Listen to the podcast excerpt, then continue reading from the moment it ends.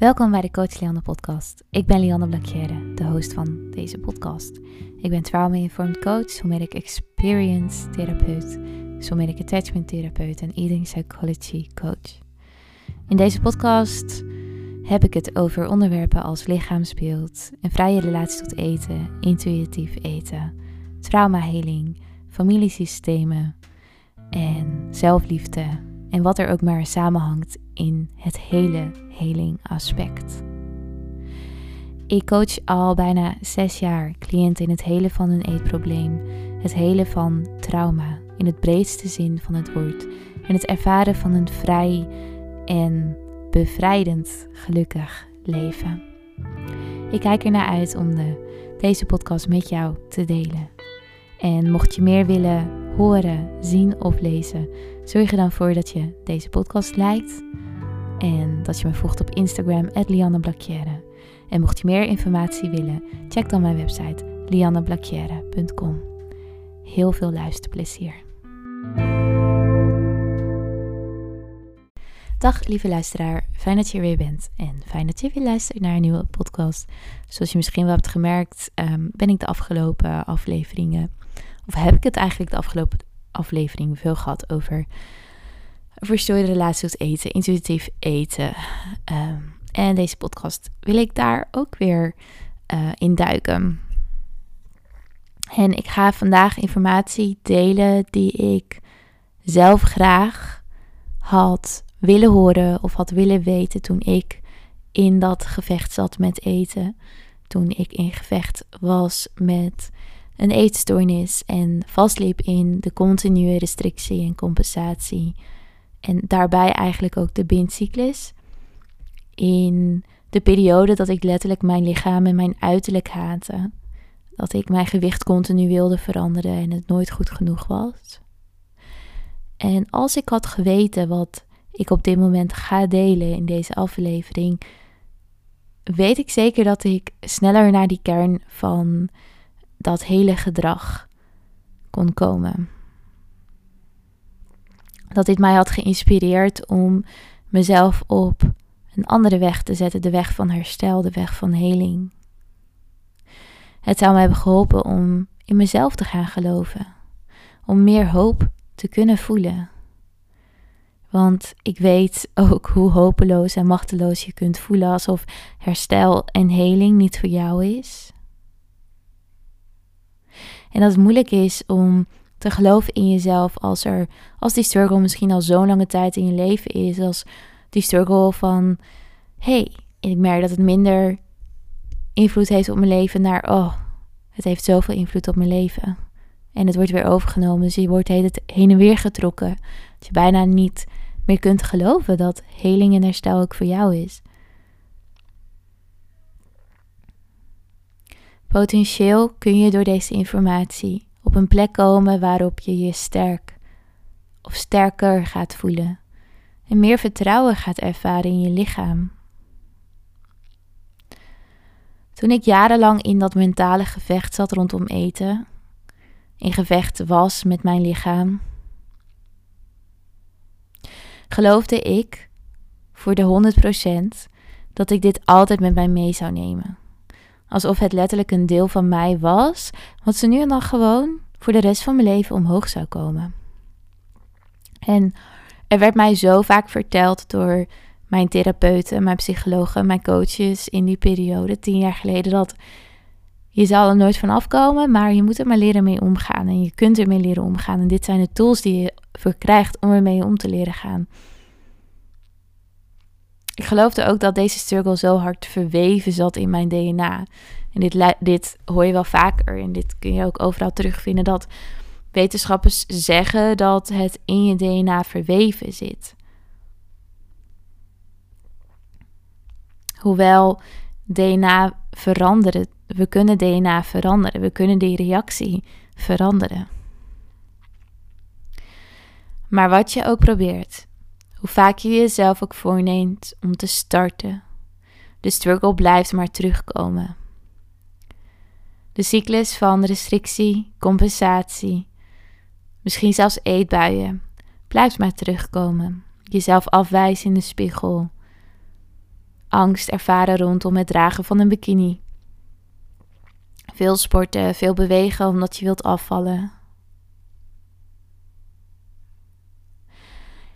En misschien volg je mij al een tijdje en denk je: ja, maar het is voor Lianne allemaal wel beschikbaar, maar voor mij niet. Of het lijkt allemaal zo makkelijk wat Lian deelt, maar ik weet niet of het wel voor mij is. Of ik, ik hoor wat je zegt, Lian, maar die echte vrijheid rondom eten die jij kunt ervaren nu. Het feit dat jij je lichaam oké kunt vinden, dat jij je fijn in je vel voelt en dat je vol vertrouwen van jezelf, jezelf naar jezelf kunt kijken en jezelf kunt neerzetten in deze wereld.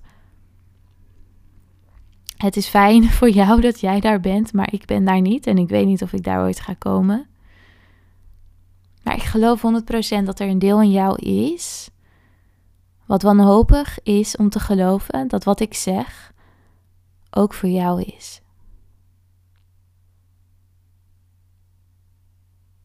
Misschien twijfel je. Misschien voelt het allemaal te overweldigend, waardoor je je eigenlijk blokkeert in het veranderen, in het veranderen van je patronen. Misschien ervaar je de angst om te falen, waardoor je doorgaat in die automatische piloot rondom eten. De gedachte om dit te helen en om weer iets nieuws te starten kan overweldigend voelen. Want deze hele struggle met eten, met je lichaamsbeeld, met bewegen, met je gewicht, het, is overweldigend en het is zo vermoeiend. Misschien voel je je wel uitgeput. Misschien voelt het alsof je de hele dag door aan het vechten bent. Elke dag, elke fucking dag word je wakker en je mentale strijd is er gelijk. Het is nooit rustig. Vanaf het moment dat je wakker wordt, zijn er gedachten over eten in je lichaam die je plagen. En misschien is er niemand om je heen die daadwerkelijk begrijpt, of misschien weet niemand in jouw omgeving wat er mentaal intern in jou gaande is, in je fysieke zijn, in je mentale zijn. Het voelt misschien die stille strijd, alsof je het allemaal alleen moet doen en alleen moet fixen. En dat is vermoeiend. En elke keer als jij die nieuwe belofte met jezelf maakt, dat je gaat stoppen of dat je nu eindelijk die eetuitdagingen aangaat of minder gaat bewegen of jezelf gaat uitdagingen, uitdagen rondom eten of dat je stopt met compenseren of met restrictie opleggen of niet meer gaat wegen, zowel je eet als je, als je lichaam. Maar je merkt dat je weer vastloopt in die oude patronen na een tijdje. En je voelt je gefaald. En je merkt dat die donkere, die zwaardere gedachten alleen maar misschien erger worden of hetzelfde blijven, waardoor je steeds minder in jezelf gaat geloven. Ik wil graag drie fundamentele dingen met jou delen, waarvan ik denk dat jij deze moet weten over het overwinnen van deze cyclus. Van de struggle met eten. Hoe kun jij deze cyclus nou echt doorbreken?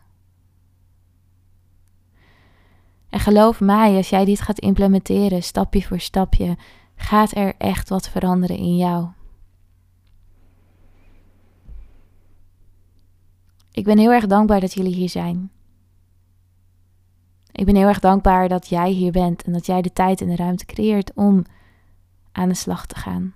Om deze podcast te luisteren. Om jouw struggle serieus te nemen. Oké, Laten we eens duiken in de drie fundamentele dingen waarvan ik weet dat jij deze moet weten. Nummer 1. Het is belangrijk om de oefeningen, de tools te begrijpen. En niet alleen de theorie, niet alleen weten waar het vandaan komt, niet alleen het concept van de struggle met eten, de struggle met bewegen, de struggle met je lichaam.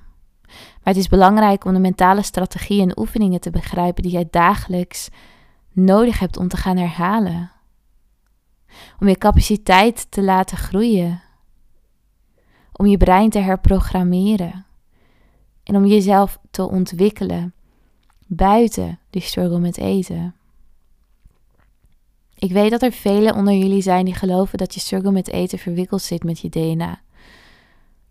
Zoals alle OG-volgers weten heb ik jarenlang therapie, therapie gehad zonder enige resultaat. En een groot deel, als ik daar nu op terugkijk, werkte gewoon niet. Want ik kreeg geen handvatten. Ik had niet de juiste technieken. Ik wist niet wat ik moest doen. Ik kreeg veel informatie mee. Ik kon goed praten met mijn therapeut en mijn psycholoog. Maar wat ik daadwerkelijk tussen die gesprekken in kon doen, I didn't have a clue. Ik had geen idee. Wat kon ik nou daadwerkelijk doen? Want je gedrag zorgt ervoor dat je patronen doorbreekt. Maar ik kreeg geen tools om mijn gedrag te veranderen.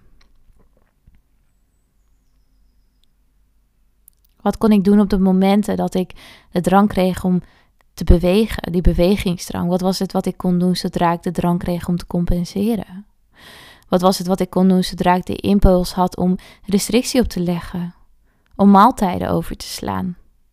Wat kon ik doen op het moment dat ik mijn lichaam aan het afwijzen was? Wat kon ik doen op het moment dat ik de drang had om mezelf te wegen? Ik wist heel goed dat ik al dat gedrag moest gaan veranderen en doorbreken. Maar de fysieke onrust was zo groot, waardoor ik het toch ging doen, waardoor ik toch ging luisteren naar de patronen die ik kende. Ik had op een gegeven moment zo'n craving naar eetbuien. En ik wist dat waar het vandaan kwam, maar wat kon ik daarin doen? Ik leerde dat niet. Wat kon ik in de ochtenden doen? En de reden dat ik dat deel is, de je brein is het meest kneedbaar, dus het meest mogelijk om te veranderen in de ochtenden. Wist ik veel. Ik ging gewoon door op de automatische piloot. En hey, wat kon ik eigenlijk doen in sociale situaties op het moment dat ik uit eten ging voor de eerste keer weer naar tijden? Of een buffet, waar ik de angst voelde door mijn hele lichaam als mier onder mijn huid van wat kon ik daarmee doen? Wat moest ik eten? Het was zoveel, het was zo overweldigend. En als ik aan het reizen was, en dan? De uren therapie leerde ik nooit wat ik kon doen en wat ik kon implementeren in mijn leven. Alleen eigenlijk maar wat ik eruit moest halen, wat ik niet meer moest doen, maar wat kon ik wel doen? Technieken leren, tools leren, zijn meest belangrijk in herstel en heling. Jij hebt een eigen unieke struggle rondom eten, rondom je lichaam. Het is zo belangrijk dat je weet wat is mijn unieke struggle? Wat is mijn unieke situatie? En wat heb ik nodig om dat te veranderen?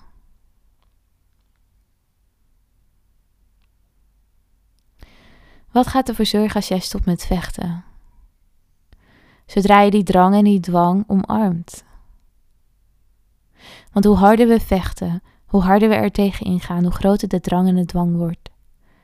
Het zorgt ervoor dat de druk in ons opbouwt, tot het punt waarop we breken en we toegeven en we onszelf daarna weer in de destructieve spiraal bevinden. Maar als jij geen technieken en strategieën hebt die letterlijk verandert wat er in je zenuwstelsel gebeurt en in je brein gebeurt, zal het bijna onmogelijk voelen om jezelf uit dit patroon te halen. Dus je hebt het nodig om dit te leren.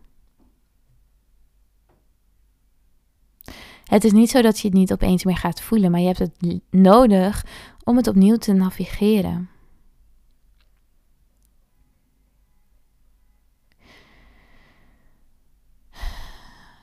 Wat gebeurt er als jij die drang voor restrictie, die drang voor compensatie, de drang voor een eetbui omarmt en erkent, wat zou er dan gebeuren?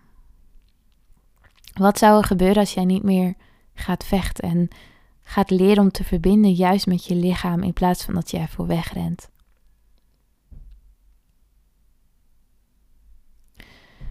En dit doen we met mentale technieken, met fysieke strategieën. Waardoor we leren om veiligheid te ervaren in onszelf en in ons lichaam. Zodat we iets externs niet meer nodig hebben om dat te ervaren. Ik nodig je uit om te stoppen met vechten. Ik nodig je uit om niet meer door de week streng te zijn en in de weekenden alle remmen los te laten. Of een maand lang jezelf alles toe te staan. De controle compleet te verliezen en angst te blijven houden voor de chaos, waardoor je nog heftiger teruggaat in controle. Ik nodig je uit om eens te denken en te voelen hoe het zou zijn als die struggle met eten er niet was. Ik hoop dat je ook beseft dat je. Je hoeft er niet mee om te leren gaan. Jij mag geloven dat het ook anders kan. En je hebt het nodig om te veranderen wat er gebeurt in je brein. We hebben het nodig om te veranderen wat er gebeurt in je zenuwstelsel. We hebben het nodig om onszelf veilig te stellen in ons lijf, waardoor ons brein dat ook gaat opmerken als hé, hey, we hebben niks externs nodig om veiligheid te ervaren. We kunnen dat intern vinden. Wij zijn veilig in de onrust die het in eerste instantie ervaart zodra we een patroon doorbreken. We kunnen dit doen door te ademen, door rustige fysieke bewegingen te implementeren in onze dag en niet sporten. Dat is niet wat ik bedoel, maar ik bedoel rustig aan meedijnen op de gevoelens die naar voren komen.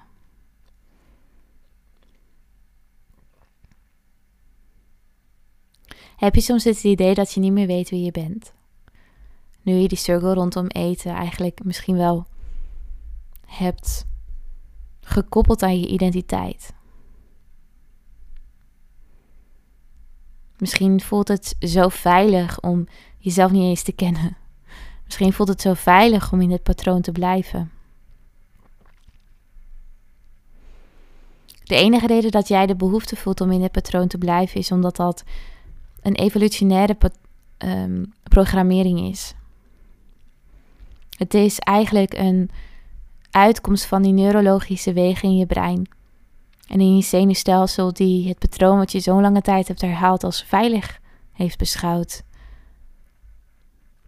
Op het moment dat we daarin niet willen veranderen, denkt je brein, gelooft je zenuwstelsel dat je in gevaar bent en probeert er alles aan doen om jou in dat patroon te sturen. En dit is wat ik precies mijn deelnemers in de Intuitive Leaders Academy leer. Een serie van verschillende technieken en tools die je op dagelijkse basis kunt implementeren, gebaseerd op de verschillende situaties die we kunnen ervaren rondom onze struggle met eten, lichaam en beweging. Hoe kan ik mezelf veilig stellen? En dit brengt mij op iets wat je echt mag gaan begrijpen over een verstoorde relatie tot eten. Door herhaling zal je brein getraind worden in het veiligheid ervaren in nieuwe patronen. Misschien heb jij jezelf dit patroon aangeleerd omdat je een bepaald gevoel wilde ervaren. Wat geeft het uiteindelijk? Waar dient jouw huidige relatie tot eten of tot bewegen of tot je lichaam voor? En het klinkt misschien gek, maar het heeft. Heel veel mensen noemen het zelfsabotage. Heel veel mensen noemen het destructieve patronen, maar het is een lange tijd ook constructief geweest. Waarom? Omdat het je waarschijnlijk heeft beschermd voor iets, voor iemand, voor wat dan ook. Een gevoel, een emotie, een verleden met nare gebeurtenissen, het, het niet voelen van iets. Wat, wat, wat, waar dient het voor?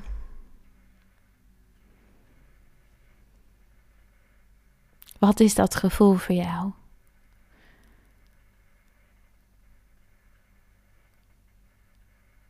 Misschien voelt het daardoor wel alsof het een onderdeel is van jou wat je niet kan loslaten, omdat het misschien nog steeds dat doel wel brengt.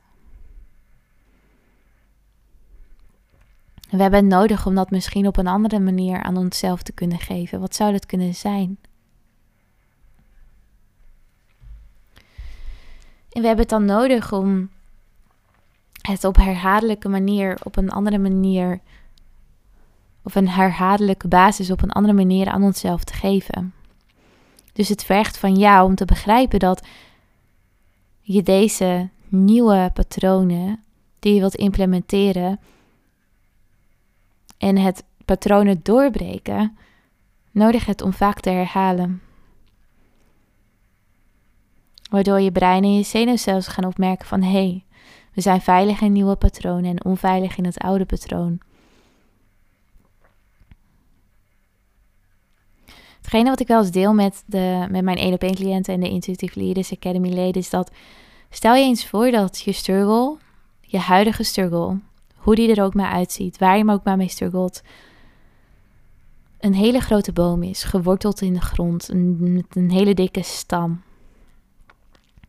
En de tools, de technieken, de oefeningen, de mentale en de fysieke strategieën die jij kunt krijgen, de baal is.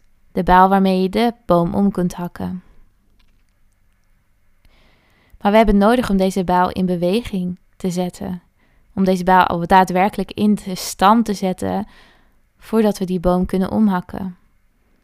En die beweging die we uit moeten voeren met die bijl is niet één keer. Niet in één keer is een hele grote oude boom omgehakt.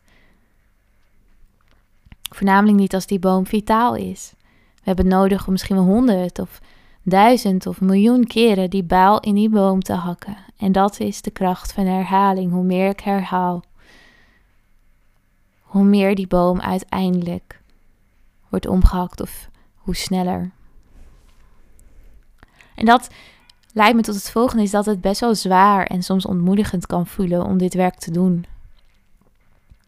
Soms hebben we het idee dat die baal helemaal niet verder in die boom komt en die boom eigenlijk helemaal niet zo snel wordt omgehakt. Dat we helemaal geen verschil zien. Soms heb je geen idee waarom je het nou eigenlijk doet. Is het echt nodig om die boom om te hakken of kan die gewoon blijven staan?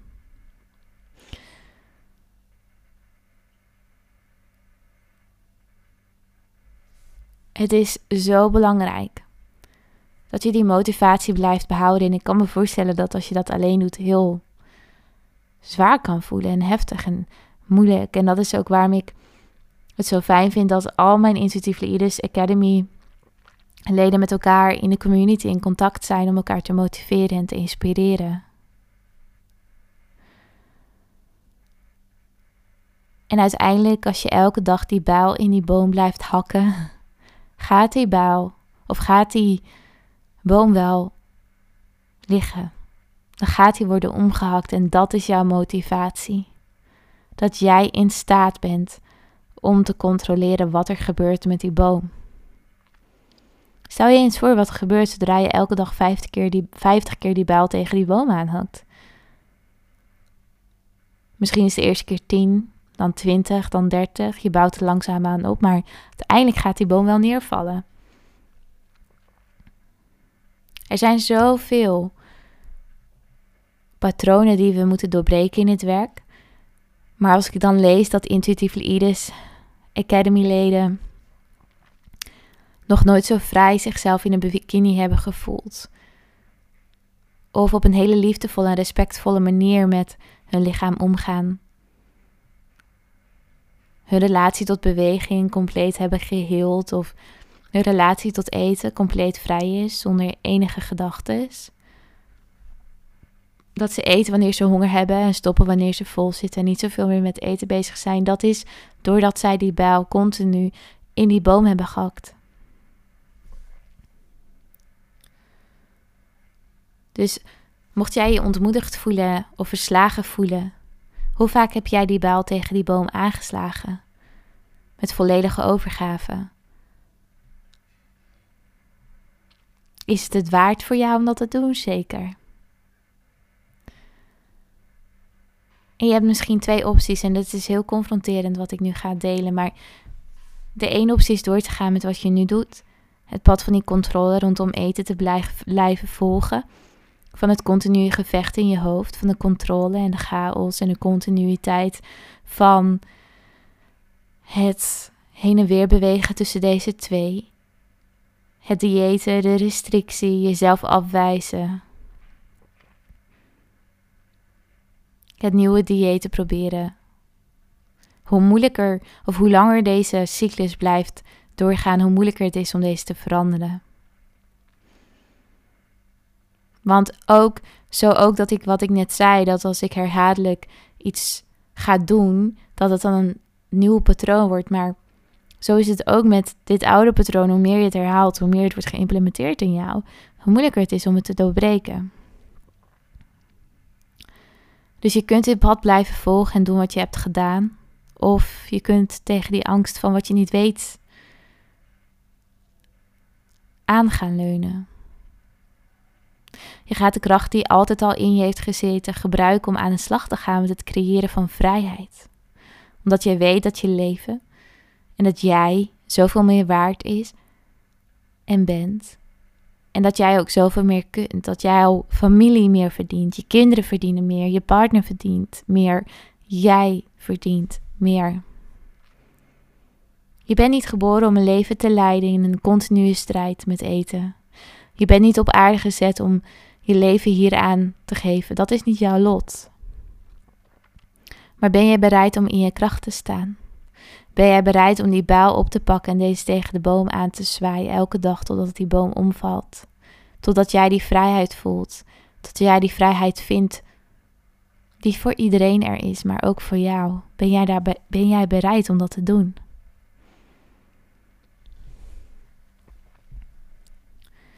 Het is niet zo dat dit gaat zonder dat, hij, zonder dat, dat je soms twijfelt om die baal op te rapen. Of dat op een moment dat je die baal in de boom zet, je geen schuldgevoel ervaart. Geen schaamte ervaart of geen angst ervaart. Maar het is aan jou om daar jezelf aan over te geven. Om daar liefdevol doorheen te bewegen, wetende dat het is oké, het is logisch. Als ik patronen doorbreek, als ik iets nieuws doe, voel ik altijd schaamte, schuld, angst. Maar ik kan mezelf hierin veilig stellen, want ik ben veilig in het nieuwe patroon. Je gaat niet jezelf veilig voelen in eerste instantie voordat je patronen doorbreekt of daarin, maar je kunt jezelf daarin veilig leren stellen. Jij kunt dat. En als je dat niet doet, ga je merken dat je over tien jaar nog steeds in diezelfde cyclus zit. Leun maar tegen het onbekende aan. En laat jezelf maar ervaren dat jij jezelf veilig kunt stellen. En dit brengt mij gelijk op het derde punt wat zo belangrijk is om je relatie tot voeding te helen en intuïtief te leren eten. Het is ondersteuning. Het is een community. Gezien en gehoord worden door mensen om je heen die jou erkennen en herkennen. Want wat ik net ook zei, het is vermoeiend, het is, het is spannend, het is lastig. En mensen om je heen hebben die je begrijpen en je motiveren is zo belangrijk.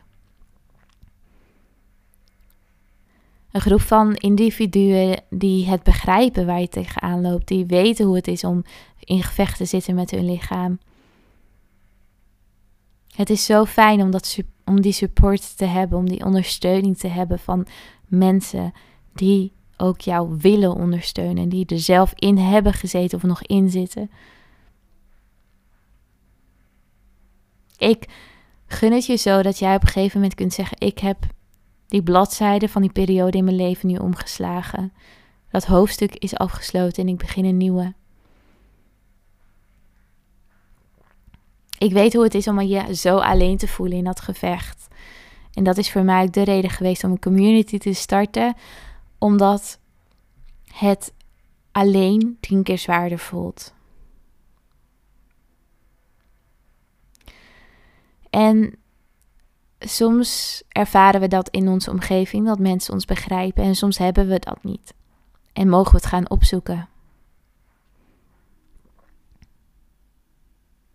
Het is ook niet alleen dat jij misschien in gevecht bent, maar het is misschien ook zo dat je kinderen, je partner, je gezin, je familie, je vrienden er ook een onderdeel van zijn. En dat is logisch. Maar hoe fijn zou het zijn als ook die relaties kunnen transformeren doordat jij zelf transformeert? Hmm, dus drie aspecten die heel erg belangrijk zijn voor het hele van je relatie tot voeding is ondersteuning en een community die je kan helpen en veiligheid kan geven en bieden en je committed kan houden. En die verbinding kan geven. Verbinding is een van de menselijke behoeftes. We hebben het nodig om de juiste tools en oefeningen te hebben. En we hebben het nodig om deze tools en oefeningen te herhalen en te herhalen. Ik hoop dat je door deze aflevering meer energie hebt gekregen en aanmoediging ervaart om aan de slag te gaan of blijvend aan de slag te gaan. Vrijheid kan er zijn op het moment dat je weet wat je kunt doen. En ik hoop dat jij dat ook kunt voelen. Dat jij ook weet en kunt aannemen van mij dat je het waard bent. En dat het ook voor jou mogelijk is dat jij actie kunt gaan ondernemen, hoe veel angst je ook ervaart. Neem die actie, leun tegen die angst aan. Want zodra jij op die berg staat en terugkijkt naar de route die je hebt belopen, belopen is die angst er niet meer. Die heb je overwonnen. En jouw leven kan dan ook 180 graden dan gaan draaien. Ik hoop je snel te zien in de Intuitive Leaders Academy, mocht je aan de slag willen gaan. En mocht je meer informatie nodig hebben, check dan even de link in de show notes.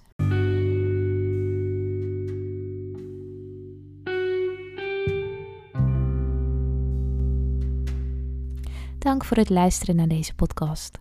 Mocht je deze aflevering waardevol, fijn of leuk vinden of hebben gevonden, zorg er dan voor dat je deze podcast een like geeft en volg mij op Spotify. Mocht je meer van mij willen weten of meer van mij willen zien, horen of lezen, check dan lianneblakjere.com en volg mij op Instagram, lianneblakjere. Mocht je interesse hebben in de Intuitively Iris Academy of de Zelfhele Cirkel, kun je dit terugvinden op mijn website lianneblakjere.com. Tot snel.